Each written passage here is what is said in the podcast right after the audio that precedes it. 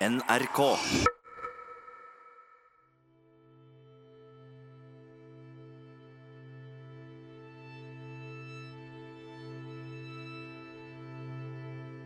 Jeg vet ikke hva slags forhold du har til mora og faren din. Jeg vet ikke hvor gamle de er heller, om begge lever, hvor de bor, eller om de er skilt. Men hvis de lever, så er sjansene ganske store for at du har snakka med en av dem den siste måneden. Om noe praktisk, om ikke annet. Om hvor jula skal feires i år, eller kanskje du skal låne noe, en drill eksempel. På mindre steder er det jo gjerne sånn at du har foreldrene dine boende like borti gata, eller på den andre sida av jordet, og da treffer du dem jo innimellom. Eller gjør du ikke det?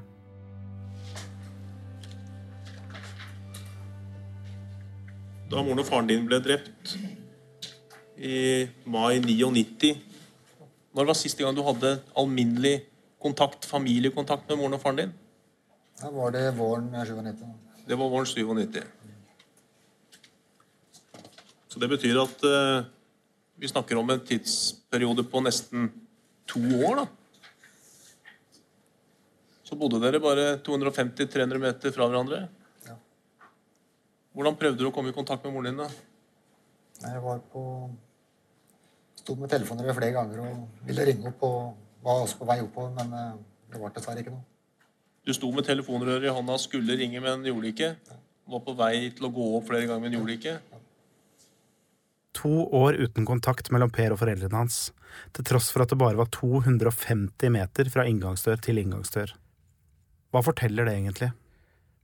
Forteller det om en bitter strid som endte i trippeldrap? Aktoratet mente det da de stilte Per Ordre for retten, mistenkt for å ha planlagt drapene på faren sin, mora si og søstera si. Jeg be Per Christian Norderud om å reise seg opp. Hvordan tror du moren din følte seg da? Når du fremstiller henne som en løgner i retten? Jeg har vel aldri sett et menneske som har elska et annet menneske så høyt. Mens han levet, så oppfattet ikke jeg Christian som en noe særlig sympatisk person. Jeg gjorde ikke det. De prøver så godt de kan å ødelegge livet mitt. De kan nøye seg med å ødelegge sine egne. Hvis du hadde vært enarving, hadde tingene vært greiere, hadde de ikke det? Jeg heter Joakim Førsund, og dette er podkasten Familiene på Orderud. Andre episode Arven.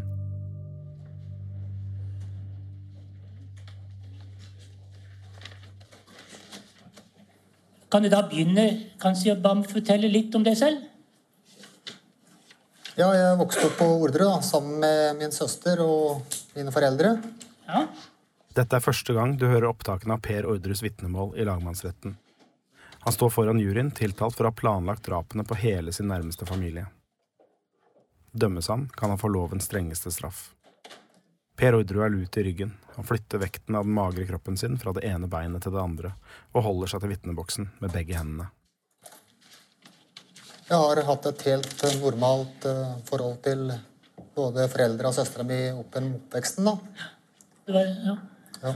Men jeg hadde du bodd på gården hele mitt liv, da? Bodd på gården hele mitt liv. Ja. Nettopp, ja. ja.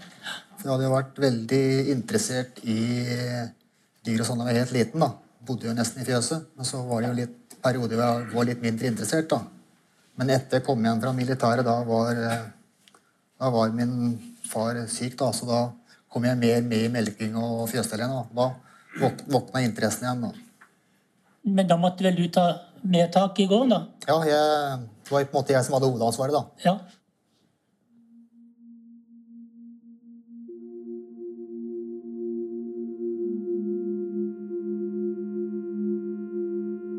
Det gjelder eh, det daglige arbeidet i heimen, da Per Ordre, hva Eller hvem gjorde det? Det var min mor. Alt? Ja. Hadde du ikke oppgaver i, Nei, det i var, huset i det hele eh, det var dårlig. Så du ble skjemt bort av mor din? Jeg ble vel det. Når jeg snakker med folk som kjente menneskene på Orderud, så forteller alle om det nære forholdet mellom Per Orderud og mora Marie. Noen snakker om det for å understreke hvor uselvstendig og ungkaraktig han var. Andre snakker om det for å peke på hvor usannsynlig det er at han har hatt noe med drapet på mora si å gjøre. Her er Veronica nå i 2018. Hun ble en del av Orderud-familien da hun var 21 år gammel. Tre ganger om dagen så kom faren kjørende ned med plastbokser som moren hadde laget mat i. da. Eh, og så henta hun all skittentøyet hans, eh, og så fikk han jo det levert da tilbake, selvfølgelig. da, Strøket og brettet pent sammen. Og, og det også var, husker jeg det var noe som irriterte meg noe helt grenseløst. fordi at hun hadde jo da selvfølgelig en sånn idé om at det fjøstøyet det var så skittent at det kunne man jo ikke putte rett i vaskemaskinen. Så hun skulle jo da ha noen svære baljer inne på badet, som da opptok nærmest hele badegulvet. ikke sant? Og så skulle hun da legge dette fjøstøyet i Biotex, for det skulle legges i bløt før man la det i vaskemaskinen. Så jeg holdt på å bli gal, liksom, for at du kan tenke deg å ta oppi det vannet når det fjøstøyet, som kanskje var litt sånn innsausa i kumøkk, hadde ligget oppi der. Men det var jo ikke noe å gjøre med, for at moren hans hadde gjort det sånn i alle år, og sånn skulle det fortsatt gjøres. Hva er det du likte med han? Nei, jeg tror det jeg likte med Per, og det jeg liksom fortsatt liker med Per, selvfølgelig, er jo det at han, at han nettopp er sånn. At han er skikkelig traust og solid og stille og rolig og, og ikke minst veldig, veldig snill.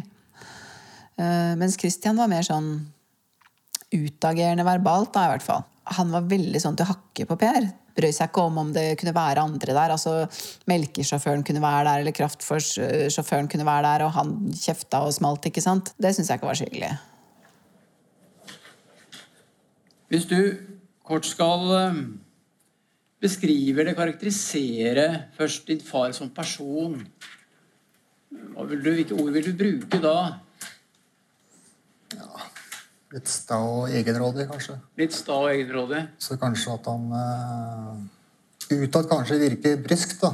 Men ja. uh, det stemmer ikke med sånn han egentlig er. da, For jeg har hele tiden følt det også opp med oppveksten at han har vært snill. da. Ja. Han har jo aldri lagt noe hånd verken på meg eller søstera mi eller mora mi. da. Så liksom bare gode minner fra barndommen. da. Og til slutt deg selv som person, da, Per Ordre? Alltid vanskelig å karakterisere seg selv, men uh, hvis man tenker litt, ser seg litt utenfra uh, Veldig sta og egen, da. Litt egenrådig, tror jeg. er. Da snakker Du litt om, du bruker litt av den samme karakteristikken som uh, på din far? da? Ja, jeg er nok litt lik han. Du er litt lik han, ja?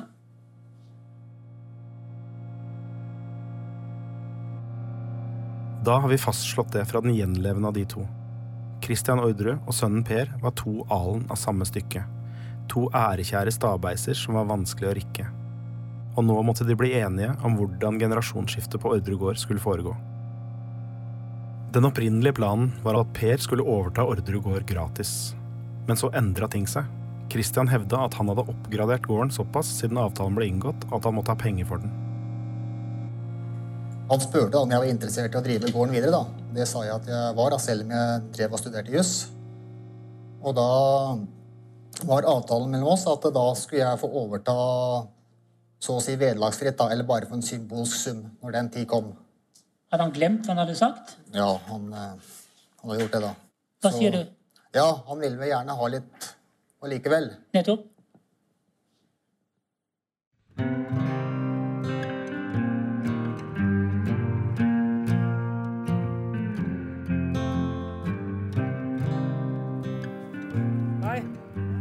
Har jeg en avtale med deg? Jeg har parkert i hovedgata på Sørumsand, en snau kilometer fra Ordre gård. Joakim. Du har hund, du òg, ja? Ja, har det. Kontorhund. Det er midt i kontortida, men advokat Ole Edvard Hagen er like fullt ute og lufter bikkja si. Hagen var Christian og Marie Ordres advokat. Han hjalp dem med kontrakter og enkelt papirarbeid, og hadde ingenting med straffesaken etter trippeldrap å gjøre. Men det er nok ingen som fortsatt er i live, som vet mer om hva Christian og Marie Orderud tenkte, og følte, ikke minst, om striden med sønnen Per. Eller Per Christian, som han egentlig heter, og som advokat Hagen innimellom kaller ham. Hvis du skal forklare meg hva denne gårdsstriden handler om, eh, hva vil du si da? Kristian Christian Orderud hadde jo hele tiden tanker om at det var sønnen som skulle overta eiendommen. Men senere så viste det seg at det var stor uenighet om, om betingelsene for den overdragelsen.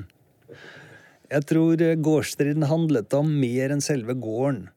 Eh, jeg tror det handlet om sviket, eller skuffelsen, da, som eh, kanskje Per Christian oppfattet ved at foreldrene ikke sto ved den lovnaden om at de skulle få gården. Kanskje har den også sammenheng med en eh, form for sjalusi mellom uh, Anne og Per Christian.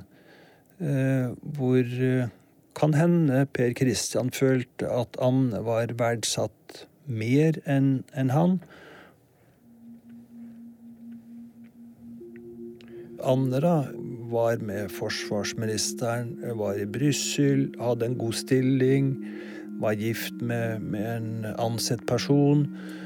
Eh, mens eh, jo Per Kristian ikke hadde det samme å skilte med. Denne Anne som advokat Hagen snakker om, er den samme Anne som ble funnet død i nattkjolen på foreldrenes kjøkkengulv. Anne var storesøstera til Per. Hun reiste ut i den store verden, gifta seg med en diplomat i Utenriksdepartementet, bosatte seg på Frogner og jobba som sekretær for fem forsvarsministre. Christian var veldig stolt av henne. Han snakka om henne seint og tidlig, og han ville at hun skulle få en liten del av Orderud gård. Christian snakka ikke like ofte om Per, for Per dro ingen steder. Per ble hjemme, Per sto opp tidlig og gikk i fjøset. Per tilbrakte hver time, hver dag, hvert år på Orderud gård. Det som jo Kristian og Marie hadde som ønske, var jo at det også skulle gå da litt eller noe til, til, eh, til Anne. Sånn at alt det de hadde bygd opp gjennom livet, ikke skulle gå da til, til Per Kristian og sønn, men også noe skulle gå til, til, til datter. Men dette ble eh, avvist fra, fra Per Kristian side, som vi følte litt underlig. Jeg er ingen ekspert på arvetvister, men denne situasjonen er neppe uvanlig. Et ektepar er inne i livets høst, en brøk skal fordeles, og én part syns fordelinga er urettferdig. Men så kommer vi til det som skiller denne arvetvisten fra andre.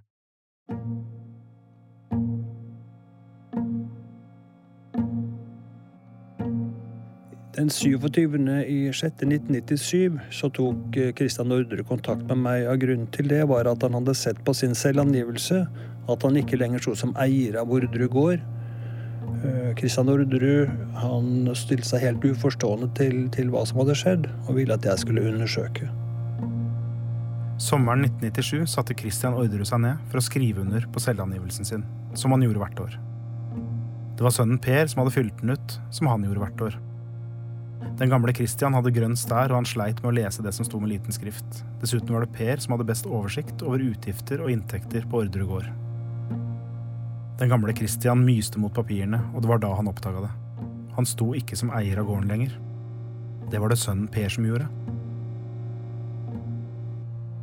Christian Orderud hadde overtatt gården da han var konfirmant, åtte år før andre verdenskrig. Og var det én ting han var temmelig sikker på, så var det at han ikke hadde gitt bort gården sin uten å huske det. Det var da Per Orderud vifta med kjøpekontrakten. Gården er min, sa han, du har jo skrevet under her. Nederst på kjøpekontrakten var det to signaturer. Det sto Per Orderud på den ene og Christian Orderud på den andre. Det var nå denne konflikten sank til nye dybder. Det var nå advokater ble kobla på, og saken skulle opp i retten. Det var nå Pers søster i Oslo, den to år eldre Anne, allierte seg med foreldrene sine. Og det var nå Per Orderud slutta å snakke med familien sin så bodde dere bare 250-300 meter fra hverandre. Ja. Var ikke dette veldig vrient, da? Jo, ja, veldig, veldig leit. Det var, det var veldig trist, men uh... Dere måtte vel nesten dumpe på hverandre rett som det var, gjorde dere ikke det? Moren din, da? Fikk du ikke inntrykk av at uh... Eller prøvde hun å få kontakt med deg noen gang? Fikk du inntrykk av? I løpet av disse to årene? Ja, jeg vet, det vet jeg ikke. Nei. Hun ringte ikke til deg heller? Nei. Gikk ikke ut på gårdsveien i håp om at du kanskje skulle treffe henne midtveis der et sted? Som sagt så holdt hun seg mest mulig innendørs. Det var veldig sjelden hun var ute.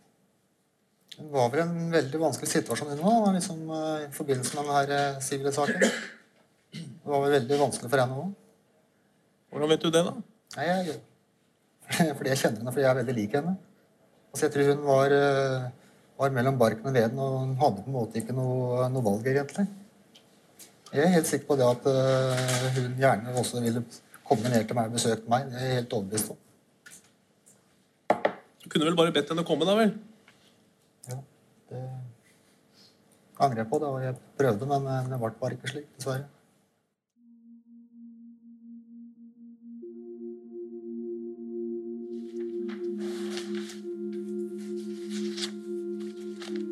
Forholdet ditt til Anne på denne tiden, Per Orderud, hvordan var det? Det var vel uh, hadde vel egentlig ikke så veldig mye kontakt, da. Nei? Var det noen grunn til det? Ja Jeg følte kanskje det at hun uh, måtte støttet mine foreldre, da. I den uh, tvisten de hadde mot meg, da. I utdraget som du har foran deg, kanskje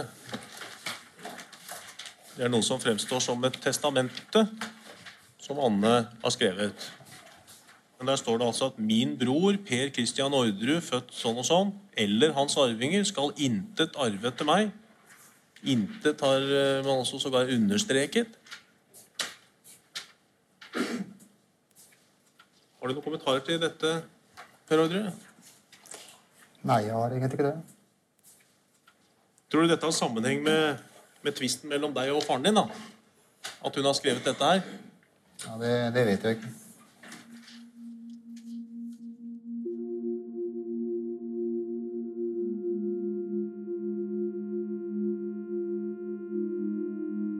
Hvis vi tenker eh, veldig kynisk og økonomisk på det, Per Orderud, så er det vel Så kan man kanskje si at Annes bortgang ville ha løst en del økonomiske problemer i forhold til å bli enig med din far?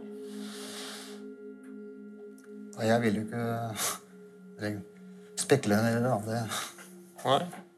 Hvis du hadde vært enarving, hadde tingene vært greiere? Hadde de ikke det? greier og greier, altså. Jeg så ikke sånn på det, da. Nei.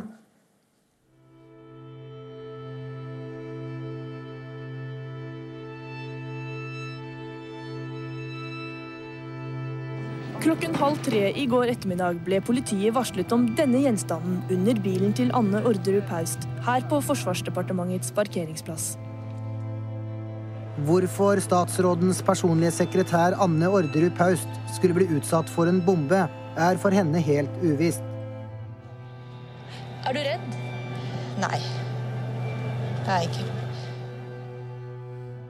Nei, sier Anne Orderud Haust i dette nyhetsklippet fra sommeren 1998. Nei, jeg er ikke redd. Hun hadde på dette tidspunktet elleve måneder og seks dager igjen å leve, men hun var ikke redd. Hun hadde funnet en sprengladning under bilen sin, en dynamittgubbe som var kraftig, men amatørmessig montert. Hun mente at den umulig kunne være retta mot henne, at det måtte skyldes en misforståelse, en forveksling. Men så, en måned seinere, skjedde det igjen. Det kunne ha gått riktig ille for beboerne i bygården på Skillebekk i Oslo. I oppgangen var det sølt med bensin, og utenfor leiligheten til ekteparet Paust i fjerde etasje ble det oppdaget propan som lekket fra en beholder. Anne Ordrup Haust skrev dagbok fra disse dramatiske døgnene på seinsommeren i 1998. Originalen ligger i bevislageret på Lillestrøm politikammer, og jeg sitter med et utdrag fra den her.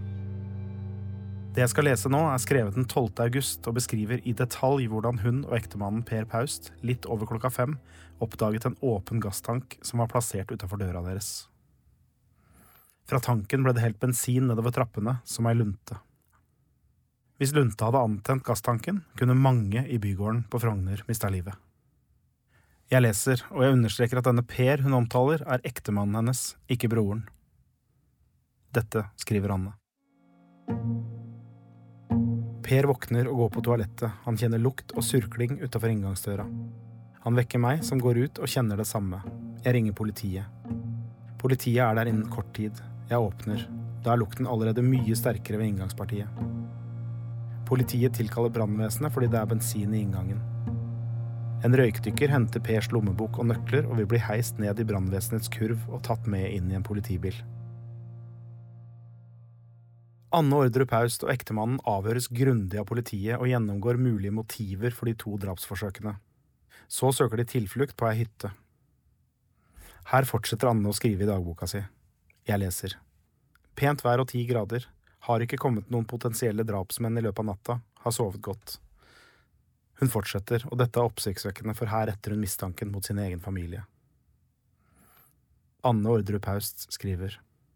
Etter politiets gjennomgang står arvemotivet sterkest for meg. Da har vi kommet til 12.8. i 8. i 98. Da har vi et såkalt gassattentat. Gjorde du noe for å få vite hva som hadde skjedd da, Per Ordre? Da tror jeg min søster ringte meg ganske umiddelbart etterpå og fortalte, fortalte at hun hadde det etter forholdene bra. da. Ja. Hva tenkte du da? Nei, Da ble jeg jo rimelig bekymra, for uh, nå mente jeg at nå var det ikke noe tilfeldighet lenger. Da Da mente du at da var det ikke noe tilfeldighet lenger? Nei, nei. Når det kommer to sånne temmelig dramatiske episoder kort tid etter hverandre, og det eventuelt er Anne de er ute etter, hvorfor skulle hun være det? Nei, det er ikke så lett å si, da, men uh, Jeg nevnte jo det forleden her at uh, Mulig at det hadde noe forbindelse med hennes jobb eller Ja, for det kunne ikke være noe annet. Mannens familie, da. Det vet jeg ikke. Nei, det kunne ikke være noe annet.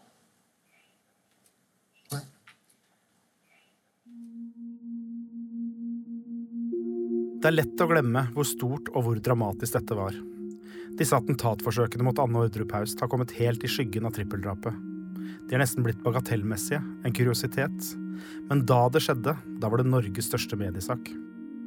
Et norsk ektepar, den ene ansatt i UD og den andre ansatt i Forsvarsdepartementet, ble på spektakulært vis forsøkt drept. Ikke bare én gang, men to ganger. Det var som tatt ut av en mafiafilm. Hadde dynamittladningen eller gasstanken detonert, så kunne eksplosjonene tatt livet av mange flere enn Anna Udrupaust og mannen hennes. Det ble snakket om leiemordere fra Balkan, om skruppelløse våpenhandlere og om agenter fra israelsk etterretning. Men på Sørumsand, der satt en gammel mann med grønn stær og tenkte at dette, dette handler ikke om storpolitikk. Dette handler om arven etter meg og kona mi. Christian var jo også svært oppbrakt over at over disse hendelsene som da skjedde i Oslo. Dette med en dynamitt under uh, bilen og, og, gassflaske oppe i uh, Gabels gate, eller hvor de bodde. Uh, og han koblet dette her direkte til gårdstvisten og forsøkte flere ganger å, å, å si det. Men jeg, jeg, fikk ikke inntrykk av at han direkte mistenkte Per for å, for å, å gjøre dette her. Til tross for søsteren Annes og faren Christians mistanker om at attentatforsøkene var knytta til gårdstvisten, ble Per Orderud aldri sikta for å ha noe med dem å gjøre. Et fokus på disse attentatene uh, ville egentlig forsterke uh, motsetningene. Det var vel det som mitt inntrykk, og jeg prøvde å dempe Christian på det. Det, det, er ikke noe vi trenger å dra med oss inn i den saken. Det vil bare forsterke konfliktene eh, i, i forsøk på å få til en løsning. Denne løsningen som advokat Hagen snakker om her, den håper de å finne når de møtes hos sorenskriveren på Sørumsand. Her skal en enkel sivil rettssak avgjøre hvem som eier Orderud gård.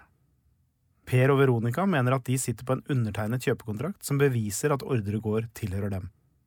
Christian og Marie sier at de aldri har skrevet under på noen kjøpekontrakt, og hvis en sånn kontrakt fins, så er underskriften falsk.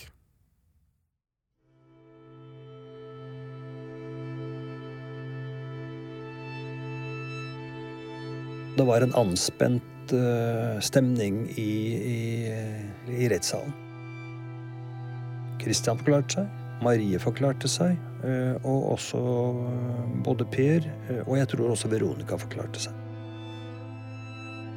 Det som jeg husker fra den, det rettsmøtet, det var at Marie ble beskyldt for å ikke snakke sant.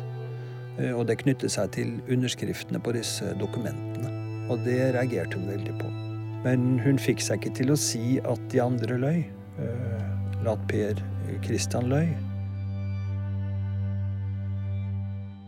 Det er sagt at Per er en forsiktig og virker kanskje litt unnselig. Eh, mitt inntrykk er at eh, han ikke var det. For han sto i denne tvisten mot foreldrene sine, og spesielt mot Marie, på en måte som var svært belastende for spesielt mor. Hvordan reagerte du følelsesmessig under denne hovedforhandlingen? Da hadde du en konflikt med din mor og din far. Jeg syns det var veldig trist at det måtte ende i retten. Da. Det var uh... Gråt du? Ja. Var det andre som gråt under den hovedforhandlingen? Mor, da. Din mor og du gråt?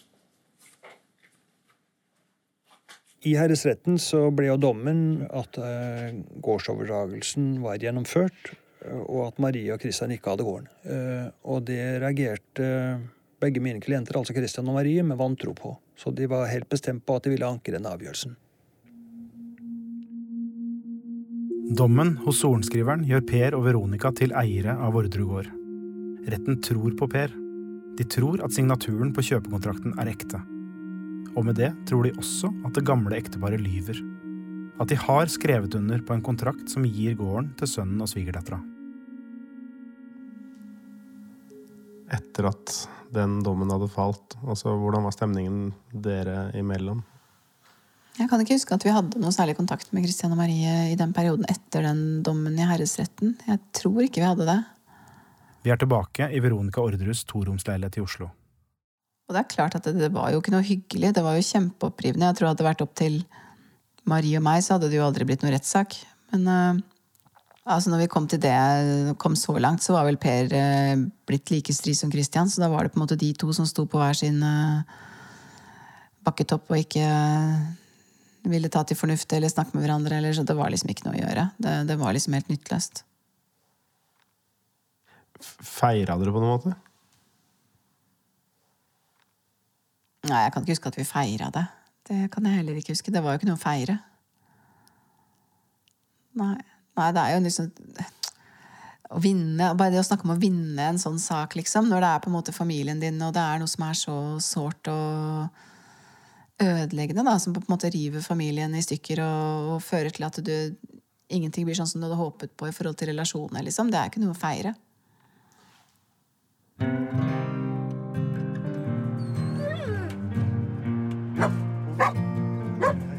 Lisbeth Kvinge og Ingar Brøderud, husker du dem? Paret med schæferne, de i det gule huset ved Glomma. De var gode venner av Per og Veronica, og var på besøk på Orderud den dagen dommen om gården falt. Veronica var jo så glad. Hun var oppe i skyene da på grunn av at eh, rettssaken og alt viste at det, at det var den riktige underskriften. Og da var det hun sa det at det kom Kom, og så skal vi ta, ta litt vin i kveld. Så vi fikk vin, og vi feira at det skjøt og kontrakten og alt var som det var. Men så sier Veronica samtidig ja, han er så fannivoldsk, han der der, at han, han, eh, han kan finne på å vente helt til ankefristen går ut, og så anker han da.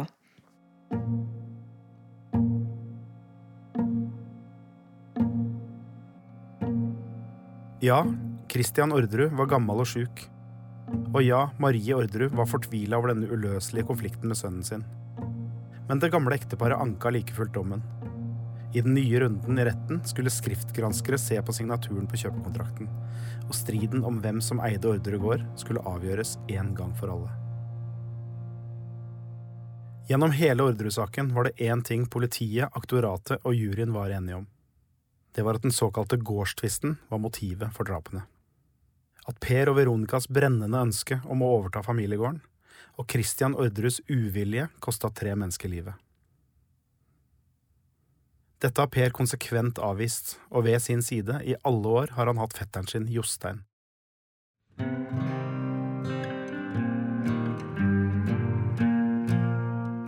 De er like gamle, og de har tilbrakt utallige timer sammen, i fjøset og på åkrene på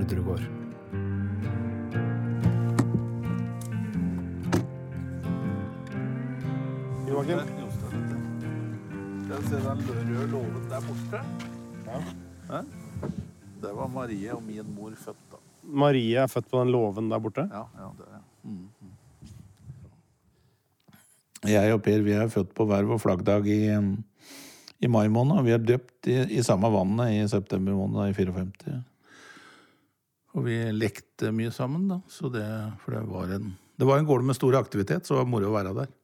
Nei, vi kjørte traktor og drev i fjøs og stelte dyra. Per var jo veldig opptatt av dyr. Det var dyra og dems velferd som opptok han veldig mye. Og, og, og, han var jo en av de få som jeg kjenner, som hver gang han skulle slå, slå ned enga, så gikk han jo gjennom for å se etter rådyrkalver. For det er, et, det er et generelt problem at rådyra er ute i enga. Men det er jo fælt få som tar den jobben på forhånd å gå igjennom og liksom prøve å drive ut de dyra som måtte være der. Det gjorde han. Så det virka som han på en måte var på rett plass her på jorda. På den gården. Det var der han skulle være. Tror du at gårdstvisten kan ha vært motivet for drapene på, i gårdboligen? At eh, gårdstvisten kan være et motiv for eh, drapshandlingene da i pinsen i 99, det ser jeg fullstendig bort ifra. Eh, altså, nei, at Per han hadde store problemer med å få satt opp ei musefelle, så det at, at, han skulle medvirke til å ta livet av sin mor, det er liksom så helt eh, Det er helt hinsides all fornuft. Christians helse var veldig dårlig. Han hadde kreft.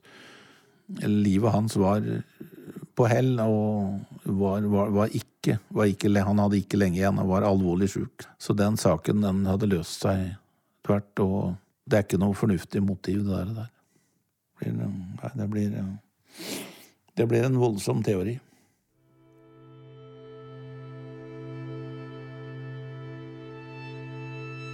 Dere kan jo ikke drepe noen pga. en gårdstvist, sier jeg. Dette er opptak fra lagmannsretten, og stemmen tilhører Kristin Kirkemo. Den ett år yngre halvsøstera til Veronica Orderud, som også står tiltalt for å ha medvirket til de tre drapene. Retten har bedt henne forklare seg om hvordan hun oppfatta konflikten på gården, og her forteller hun om en samtale som fant sted på Orderud gård lille julaften 1998. Og da er første gang jeg har sett Per sint i hele mitt liv. Han, han reiser seg ikke opp, eller noe sånt, men han kikker på meg med øynene, og så sier han Skjønner ikke du hvor seriøst dette her er, Kristin? Og så reiser Veronica seg, og så snur hun seg til meg og sier hun Skjønner ikke du konsekvensen av dette, Kristin? Enten så er det vi som dør, eller så er det de som dør.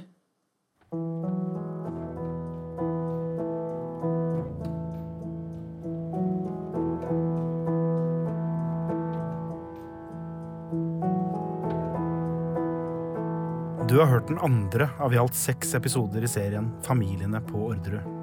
I den tredje nærmer det seg jul på Orderud gård, og en ny hovedperson gjør entré i denne historien. Veronicas halvsøster Kristin Kirkemo. Hvorfor tok hun med seg våpen til Orderud gård, og hva hadde hun å vinne på at gården ble på Per og Veronicas hender? Neste episode kommer om en uke. Den heter Lille julaften.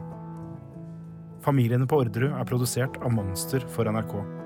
Den er laget av Bendik Mondal, Sigurd Øygarden Fleten og meg, Joakim Førsund. Lydmiks er ved Odin Eggen Brekke, og musikken er komponert av Aaron og Bryce Desner. Vilde Hjort Batzer er redaktør, og du kan komme i kontakt med oss ved å sende en mail til podkast at nrk.no. Alle episodene av Familiene på Orderud blir gjort tilgjengelige i appen NRK Radio.